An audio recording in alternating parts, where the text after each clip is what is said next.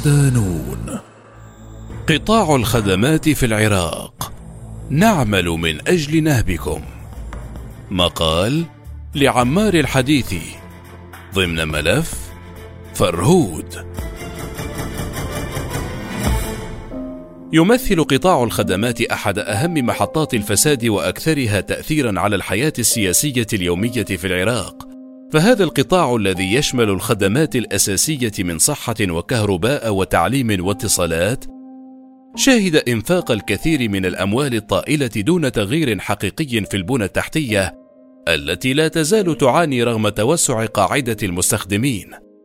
في هذا التقرير الجديد من ملف فرهود الذي نبحث فيه ملف الفساد في العراق نتناول هذه المرة قطاع الخدمات في هذا البلد العربي الغني بالموارد والثروات والشباب وكيف يستنزفه وحش الفساد بلا هوادة.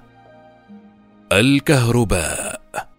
تعود مشكلة الكهرباء في العراق إلى عام 1990 بعد الغزو العراقي للكويت الذي أعقبه فرض عقوبات اقتصادية على البلاد ثم العمليات العسكرية خلال حرب الخليج الثانية التي استهدفت الكثير من البنى التحتية وبينها محطات الطاقة.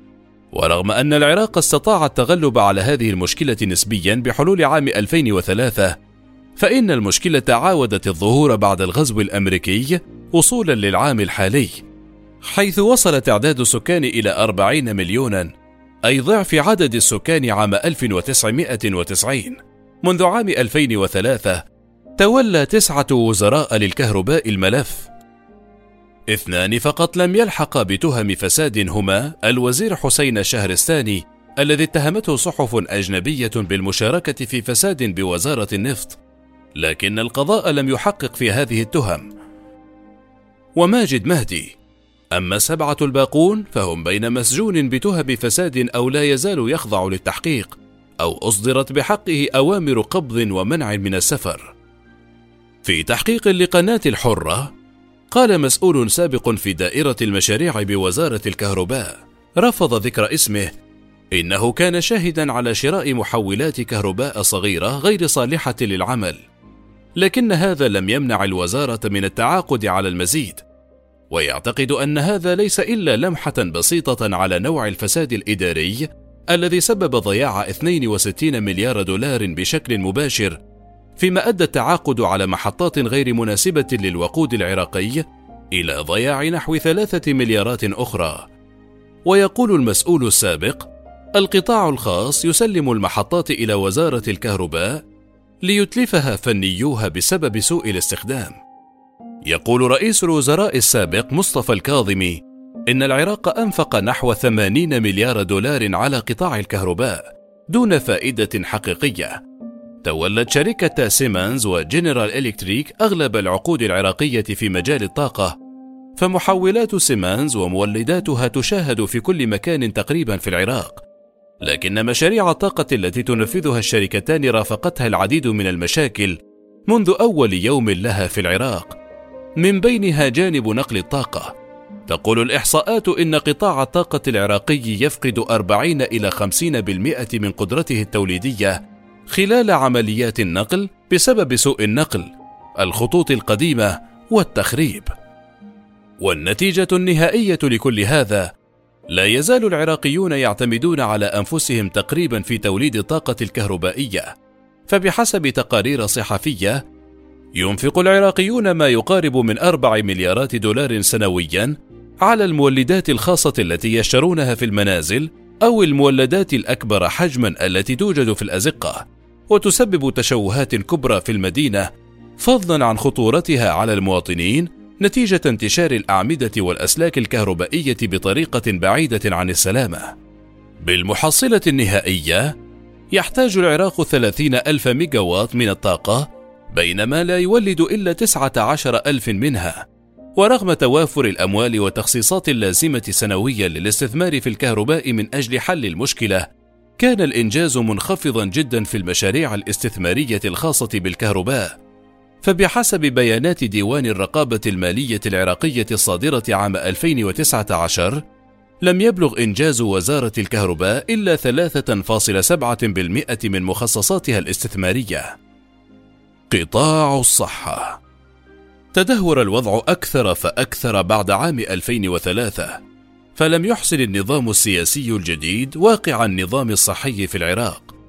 ووجد تقرير صدر بعد عامين من الغزو الذي قادته الولايات المتحدة أن الفساد في قطاع الرعاية الصحية قد وصل إلى حد انتشار الرشوة والمحسوبية والسرقة بشكل كبير، وأن المشكلة خطيرة جدا لدرجة أن صحة المرضى أصبحت في تدهور مستمر، فانتشرت سرقة الأدوية والمعدات الطبية، وكثرت حالات الاحتيال، ما أدى إلى تردي الأوضاع في المؤسسات الصحية دون أن يواكب ذلك تحرك حكومي. وعلى سبيل المثال، لم تواكب الدولة وتيرة الزيادة السكانية ومعها الاحتياجات الاجتماعية فارتفع عدد سكان العراق من سبعة ملايين ومئتين وثمانين ألفا في عام 1960 إلى 39 مليونا في عام 2019 لكن بحسب البنك الدولي انخفض عدد الأسرة في المستشفيات للفرد بشكل فعلي بين عامي 1980 و 2017 من سرير فاصلة تسعة لكل ألف عراقي إلى سرير فاصلة ثلاثة لكل ألف فقط. لعب الفساد دورا رئيسيا في هذا الانهيار المستمر للبنية التحتية. فالعراق من الدول الأكثر فسادا بحسب منظمة الشفافية الدولية، وأثر ذلك بشكل طبيعي على النظام الصحي. فبغض النظر عن نسبة الناتج المحلي الإجمالي المخصصة لقطاع الصحة، جعل الفساد المستشري أي استثمار في القطاع الصحي غير مجد. وفي الحقيقة، تعيق الحكومة العراقية تحسين الرعاية الصحية للعراقيين في كلا القطاعين العام والخاص بسبب المنافسة الشرسة بين السياسيين العراقيين للفوز بوزارة الصحة بهدف اختلاس الأموال من عقود الأدوية.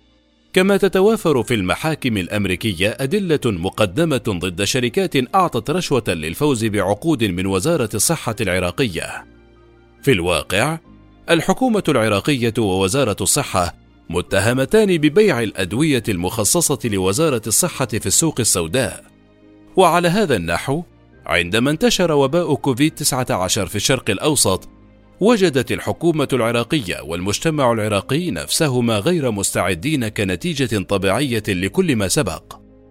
يقول مسؤول بارز في وزارة الصحة يقول مسؤول بارز في وزارة الصحة إن عدد المستشفيات الحكومية التي شيدت بعد عام 2003 تسعة فقط، بينها أربعة بتمويل من منظمة الأمم المتحدة والجيش الأمريكي، ويكشف وجود 235 مستشفى خاصا تقدم خدمات طبية بكلفة باهظة، ما يجعل روادها من أصحاب الدخل المرتفع، في وقت يعيش أكثر من 40% من الشعب تحت خط الفقر.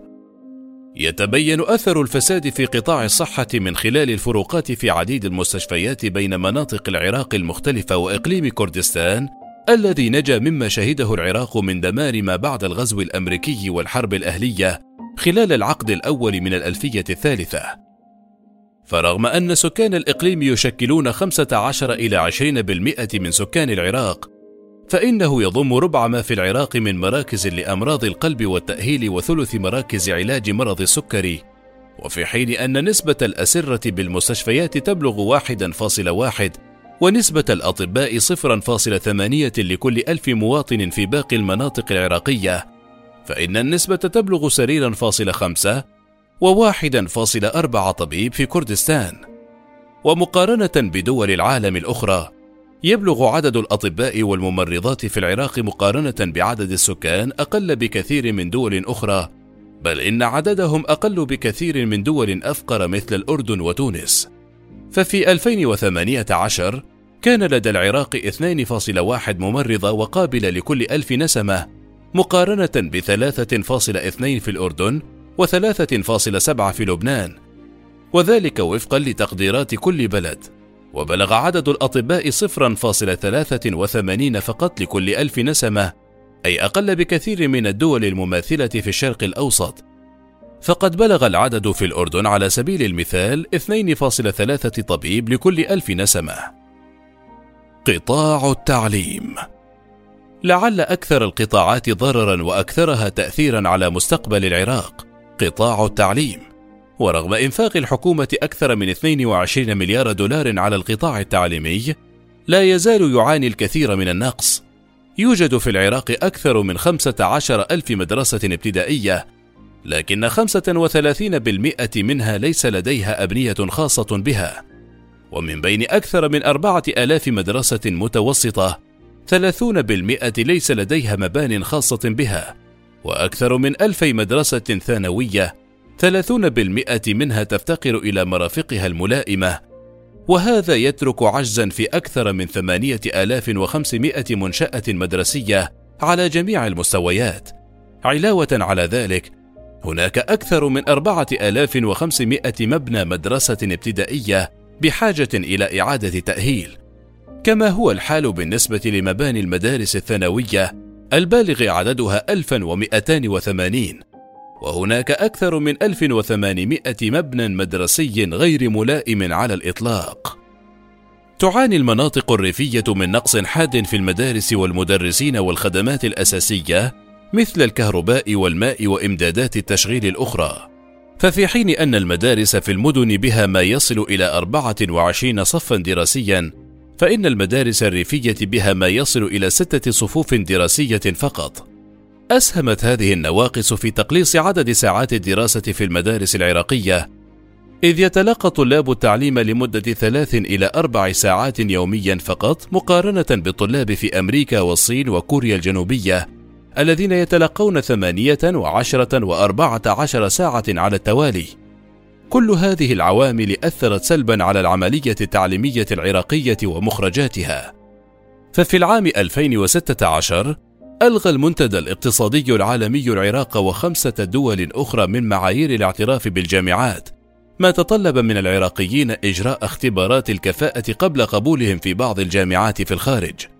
قال حيدر العبودي المتحدث باسم وزارة التعليم العالي والبحث العلمي: إن التعليم الخاص بدأ لأول مرة في العراق عام 1988 واليوم يوجد في العراق 52 جامعة خاصة وخمسة وثلاثون جامعة حكومية. يتم إنشاء الجامعات أو الكليات الخاصة بتقديم طلب من المستثمر إلى وزير التعليم العالي الذي بدوره يرفعه إلى مجلس الوزراء. وبعد ذلك تتم إجراءات التسجيل بناء على حاجة السوق للكليات المتخصصة يقول العبودي ويضيف شروط إنشاء الجامعة تشمل تلبية المتطلبات المالية والبشرية والعلمية بالإضافة إلى حرم جامعي لا يقل عن 7500 متر مربع مع أقسام لا تقل عن 2500 متر مربع. قال العبودي إن المشكلة الحالية في الجامعات الخاصة لا تتعلق فقط بفقدان الاعتماد، حيث تستمر بعض المدارس غير المعتمدة في قبول الطلاب، كما تقبل الأقسام الطبية في بعض الجامعات الخاصة خريجي الثانوية العامة من برامج الأدب أو التجارة أو الاقتصاد وهو ما يخالف المعايير الأكاديمية وهذا بسبب الفساد والمحسوبية. يمثل الفساد في القبول مشكلة أخرى. فالطلاب ذو المعدل التراكمي المنخفض الذين لم يتم قبولهم في الجامعات والمعاهد الحكومية غالبا ما يتقدمون إلى الجامعات الخاصة ذات المعايير الأقل لكن يمكن الحصول على القبول في الجامعات الخاصة والحكومية من خلال الرشاوى. لقد تسبب قطاع التعليم الخاص في العديد من المشاكل في العراق، بما في ذلك انخفاض مستوى التعليم وزيادة البطالة نتيجة التأسيس العشوائي للكليات دون دراسة جدوى.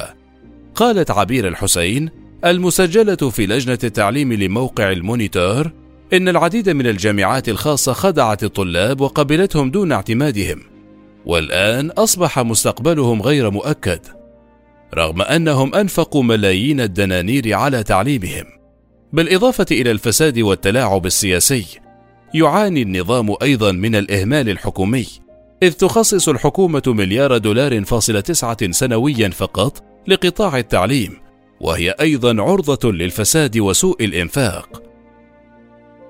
الفساد في قطاع الاتصالات. في عام 2021 صدم القضاء العراقي شركات الاتصالات المحلية الثلاثة العاملة في العراق آسيا سيل، زين، كورك. بقرار عدم تجديد عقودها الخاصة بسبب تراكم الديون. يقول أحد أعضاء لجنة متابعة تنفيذ البرنامج الحكومي إن عقود تراخيص الهاتف النقال في العراق تنطوي على مخالفات دستورية وقانونية، فضلا عن تسببها بإضرار المال العام وحرمان الخزينة العامة من مبالغ كبيرة مستحقة على الشركات. فقد أثبتت الأوراق التي كشفها أعضاء في اللجنة تهرب الشركات الثلاثة الكبرى بعدم تسديد ديون التي وصلت إلى أكثر من أربعة مليار دينار عراقي فاصل خمسة أي ما يعادل ثلاثة مليارات دولار أمريكي. يقول النائب السابق القاضي وائل عبد اللطيف ملف شركات الهاتف النقال هو أحد الملفات المهمة الفاسدة لأنها من حيث الأهمية تأتي بعد النفط إن لم تتقدم عليه. مضيفا منذ أول عقد أبرمته هذه الشركات مع الحكومة العراقية كان من المفترض أن تكون 40% من حصتها مملوكة للعراقيين على اعتبار أن نفوس العراق وصلت إلى 40 مليونا. لكن الكثير من رؤساء الحكومات السابقة أسقطوا الضريبة بنسبة كبيرة عن هذه الشركات إضافة إلى أن جميع الشركات مطالبة بمبالغ للحكومة لكنها لا تسدد. وتمديد العقود لها دون تسديد المستحقات يعتبر فسادا كبيرا. ليست خدمات الهاتف النقال وحدها ما يشهد فسادا فخدمة الإنترنت بدورها تشهد فسادا أيضا. ففي عام 2020 تم ضبط أكبر عملية سرقة لساعات الإنترنت بقيمة بلغت 47 مليون دولار في محافظة كركوك شمال البلاد. إذ قالت هيئة النزاهة إنها ضبطت أكبر عمليات تهريب لساعات الإنترنت عبر الكابل الضوئي في العراق. والكابل الضوئي هو مشروع تابع لوزارة الاتصالات العراقية يتم من خلاله نقل ساعات الإنترنت بين المحافظات. وقعت عملية ضبط في موقع شركتي إيرثلينك وآي كيو التابعتين للقطاع الخاص وتستحوذان على خدمة الإنترنت في البلاد.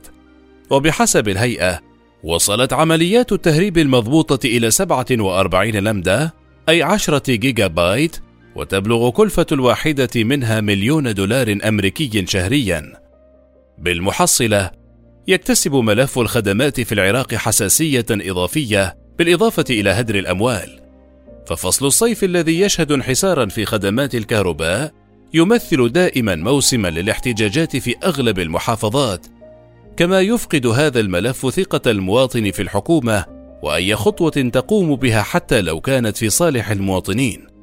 هذا فضلا عن تكوين شبكات من المنتفعين والمافيات والمتنفذين الذين يمنعون أي عملية إصلاح في الدوائر الخدمية مقابل الحصول على العقود دون إنجاز حتى كما تقول تقارير ديوان الرقابة المالية.